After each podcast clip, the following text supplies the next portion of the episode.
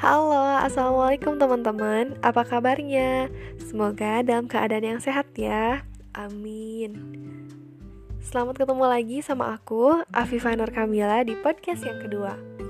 Kali ini kita akan bahas tentang tema lanjutan dari podcast yang kemarin Yaitu tentang minder. Kita akan bahas tentang apa aja sih yang biasanya jadi faktor seseorang bisa ngerasa minder. Dan kita akan mengevaluasi bareng-bareng di sini. Udah siap? Mari kita mulai.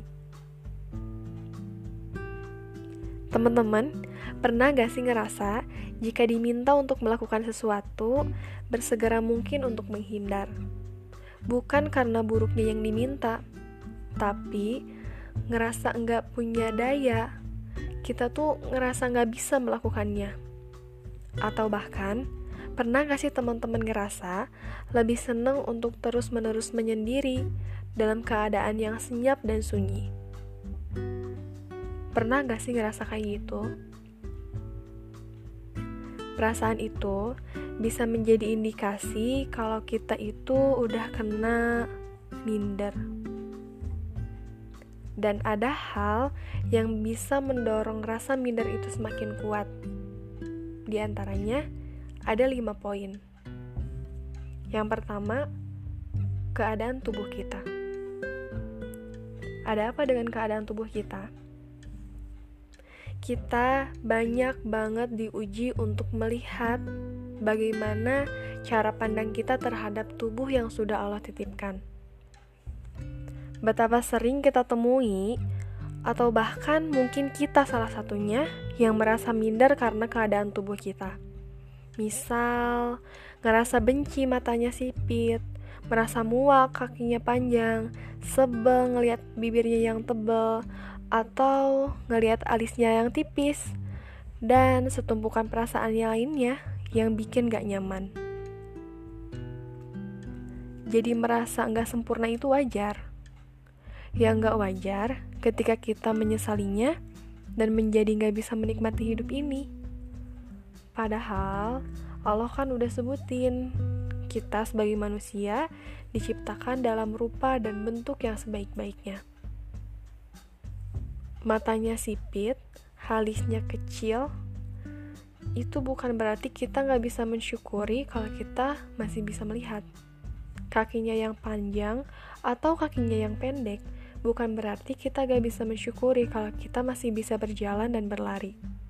Bener gak sih teman-teman?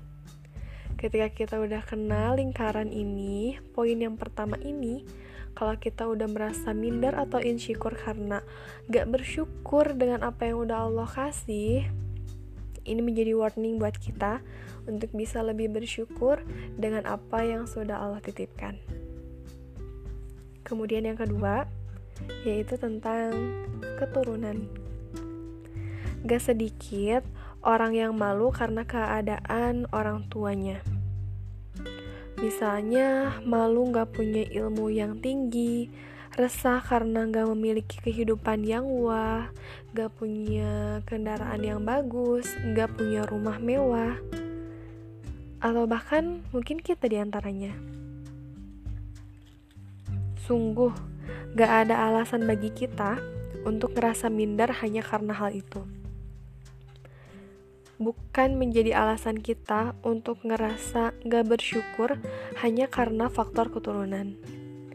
Kalau misalkan orang tua kita dititipi rizki yang sedikit, maka itu PR kita untuk berusaha berjuang untuk meningkatkan kesejahteraannya. Misalnya, dengan kita bekerja keras, tapi tanpa melupakan ikhtiar langitnya.